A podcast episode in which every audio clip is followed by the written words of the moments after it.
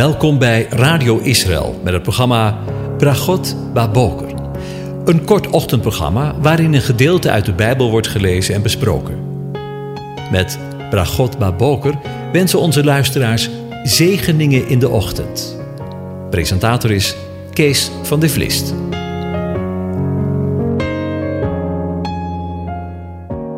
Goedemorgen, Bokatov, beste luisteraars. Vanmorgen denken we voor de negende keer alweer na over Psalm 128. En ik lees hem aan je voor. Een pelgrimslied. Welzalig een ieder die de Heere vreest, die de aanwezige, die JHWH vreest, die in zijn wegen gaat. Want u zult eten van de inspanning van uw handen. Welzalig zult u zijn en het zal u goed gaan. Uw vrouw zal zijn als een vruchtbare wijnstok binnen in uw huis. Uw kinderen zullen zijn als jonge olijfbomen rondom uw tafel. Zie, zo zeker zal de man gezegend worden die de Heere vreest. De Heere zal u zegenen vanuit Sion. U zult het goede van Jeruzalem zien, al de dagen van uw leven. U zult de kinderen van uw kinderen zien. Vrede, shalom over Israël. Tot zover. Over de olijfboom gesproken, nog een keer. We denken naar aanleiding van vers 3 weer verder na over de woorden: Uw zonen zullen zijn als jonge olijfbomen rondom uw tafel. En in aansluiting op de voorgaande aflevering denken we weer verder na over de olijfboom. Want als de zonen van Israël in de tekst worden vergeleken met olijfbomen, dan is het goed om de kenmerken van de olijf te onderzoeken. De vrucht van de boom is klein, bitter van smaak en bevat één pit. De olijf is zonder speciale behandeling niet te eten. Er wordt niet zozeer gekweekt om te eten, dan wel om olie uit te persen.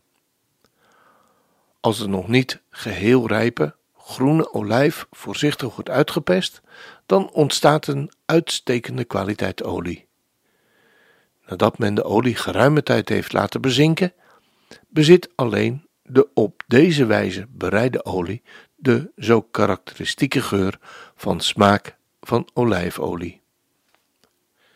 Het is juist deze olie die ook destijds al in de tempel werd gebruikt, om te zorgen dat de lampen voortdurend bleven branden. En we lezen daarover in Exodus 27, vers 20. Het moest zuivere olijfolie zijn, van gestoten olijfolie. Ook de heilige zalfolie, die in Exodus 30, vers 24 wordt genoemd, bevat olijfolie. Het moest zeer zorgvuldig worden bereid en er mocht nooit door iemand worden nagemaakt. In de voorgaande uitzending hebben we gezien dat de olijfboom een taaie soort is. Ook na meer dan 15 graden vorst en een compleet afgezaagde stam lopen de bomen weer uit en doen hun plicht: vrucht dragen. Het is bekend van de olijf dat het een boom is die niet makkelijk kapot te krijgen is en het herstellend vermogen is enorm. De eisen die de boom aan de grond stelt zijn laag. In droge, kalkachtige rotsgebieden, waar veel andere vruchtbomen niet gedijen, daar doet de olijf het uitstekend. Een afgezaagde tak die in de grond wordt gestopt, zal veelal gewoon weer uitlopen en wortels schieten en uiteindelijk vrucht dragen. Wordt er een pit van de olijfboom in de grond gestopt, dan zal er een boom uitgroeien die pas in het achtste jaar vrucht gaat dragen. Na verloop van ongeveer 20 jaren is de productie het hoogst en een gemiddelde boom kan wel 20 tot 25 kilo olijfbomen olijven opleveren, wat goed is voor 6 tot 12 liter olie.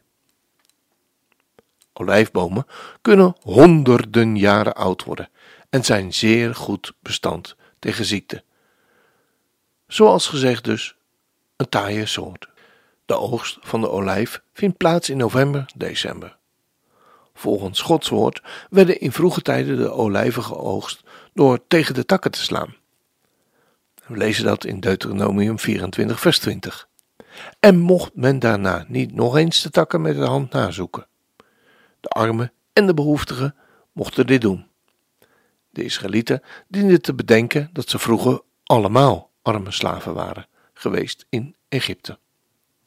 In Deuteronomium 6, vers 10 tot 12 wordt het volk Israël eraan herinnerd dat God hen in een rijk land laat wonen met wijngaarden en olijfbomen, die ze zelf niet hebben geplant. Dat wordt nog eens herhaald in het hoofdstuk 8, vers 7 tot en met 10, waar we lezen: Een land met olierijke olijfbomen en honing. Een land waar u zonder schaarste brood zult eten, waarin het aan u niets ontbreken zal. Als u dan gegeten hebt en verzadigd bent, loof dan de Heere, JHWH, de aanwezige, uw God, voor het goede land dat Hij u heeft gegeven. En in Nehemia 9, vers 25 bekent de profeet voor God dat het volk alles in overvloed had: olijfbomen en vruchtbomen. Ze zijn echter ongehoorzaam geworden en tegen u in opstand gekomen. En ze hebben uw wet verworpen en uw profeten gedood. Lezen we dan in hetzelfde hoofdstuk, vers 26. En als gevolg van deze houding lezen we in Jeremia 11, vers 16: Uw bladerrijke olijfboom met welgevormde vruchten had de Heere u als naam gegeven. Maar nu heeft hij onder het geluid van een groot gedruis een vuur onder hem aangestoken, zodat zijn takken gebroken zijn. Want de Heere, de aanwezige van de legermachten, heeft u geplant, heeft een kwaad over u uitgesproken, vanwege het kwaad dat het huis Israël en het huis van Juda met elkaar bedreven hebben, door mij tot toren te verwekken, door reukoffers te brengen aan de Baal. Maar het komt uiteindelijk goed met Israël. Lezen we in Hosea 14, vers 6, waar staat: Ik zal voor Israël zijn als de dauw. Hij zal in bloei staan als de lelie, wortel schieten op de Libanon. Zijn jonge loten zullen uitlopen, zodat zij pracht zijn als de olijfboom, en hij zal een geur hebben als de Libanon. Zo zien we de olijfboom als een prominente rol in de typologie van het volk van Israël. Paulus haalt in Romeinen 11, vers 11 tot 24 ook uitvoerig de olijfboom aan. Uit vers 24 blijkt dat de zegeningen van God worden vergeleken met de olijf, edele olijf en de heidenen, van oorsprong wilde olijftakken, worden door God geënt en op de wortel en de stam van de edele olijfboom. We lezen daar, want als u afgehouden bent uit de olijfboom die van nature wild was en tegen de natuur in op de tamme olijfboom geënt bent, hoeveel te meer zullen zij, natuurlijke takken zijn, geënt worden op hun eigen olijfboom. Sommige oorspronkelijke takken zijn door God weggebroken. Het beeld is duidelijk. Enige van die takken zijn weggebroken van de edele olijf door ongeloof. We dienen vooral vers 18 goed lezen.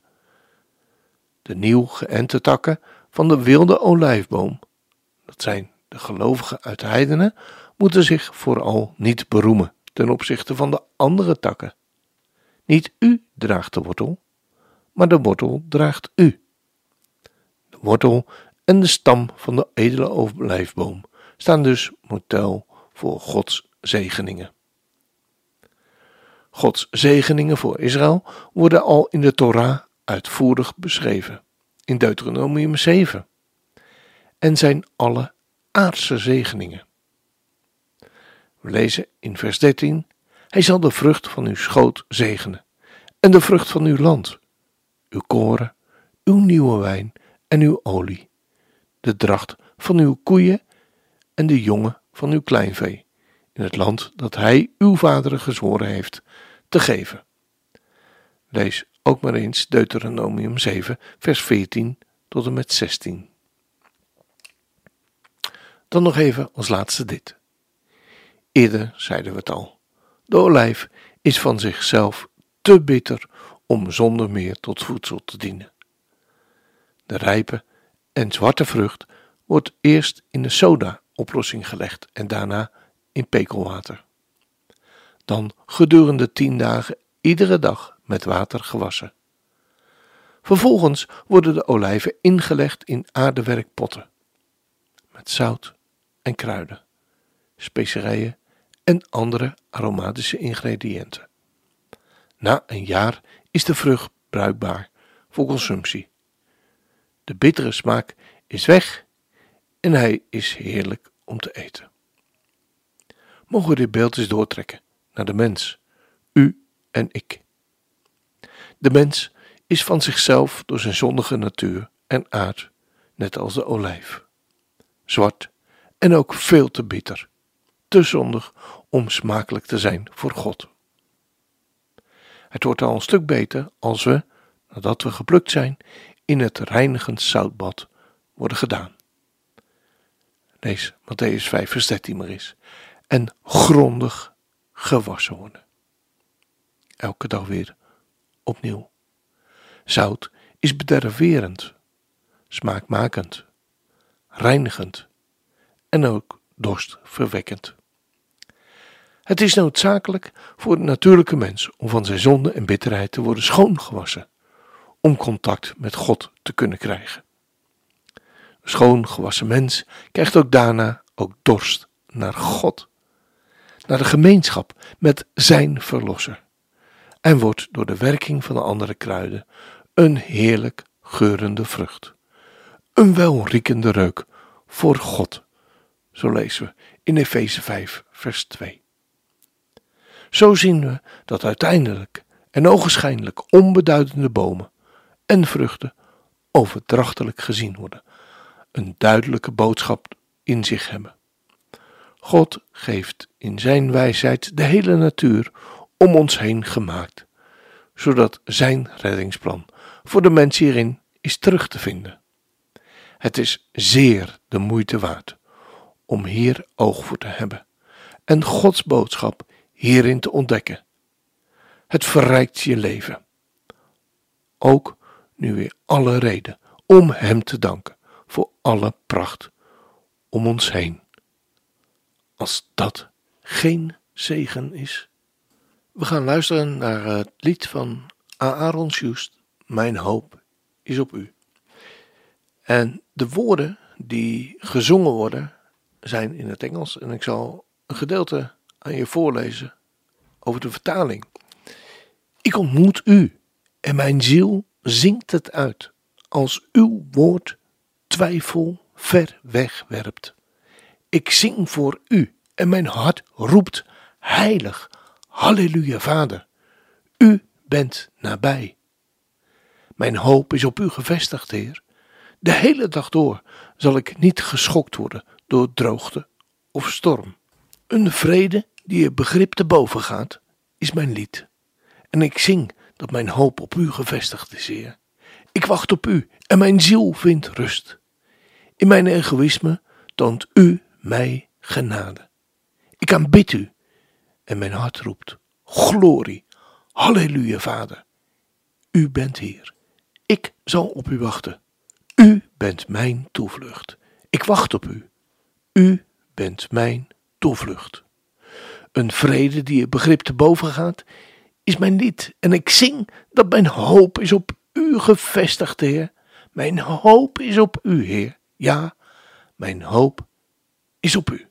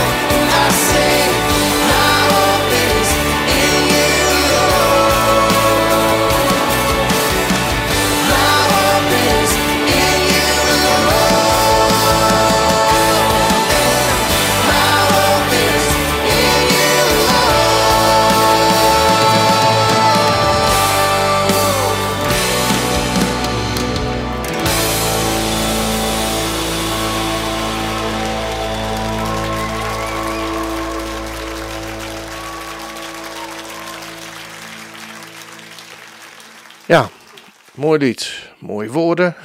En uh, ja, prachtig uitgevoerd. En terwijl de muziek draaide, moest ik denken aan uh, de woorden uit Efeze 1. Waar we lezen in vers 11 tot en met 14. In hem zijn wij ook een erfdeel geworden. Wij die daartoe voorbestemd waren. Naar het voornemen van hem die alle dingen werkt overeenkomstig de raad van zijn wil, opdat wij tot lof van zijn heerlijkheid zouden zijn, wij die al eerder onze hoop op Christus, op de Messias gevestigd hadden. In hem bent u ook, nadat u het woord van de waarheid, namelijk het evangelie van uw zaligheid gehoord hebt. In hem bent ook u, toen u tot geloof kwam, verzegeld met de Heilige Geest van de belofte, die het onderpand is van onze erfenis, tot de verlossing die ons ten deel viel, tot lof van Zijn heerlijkheid.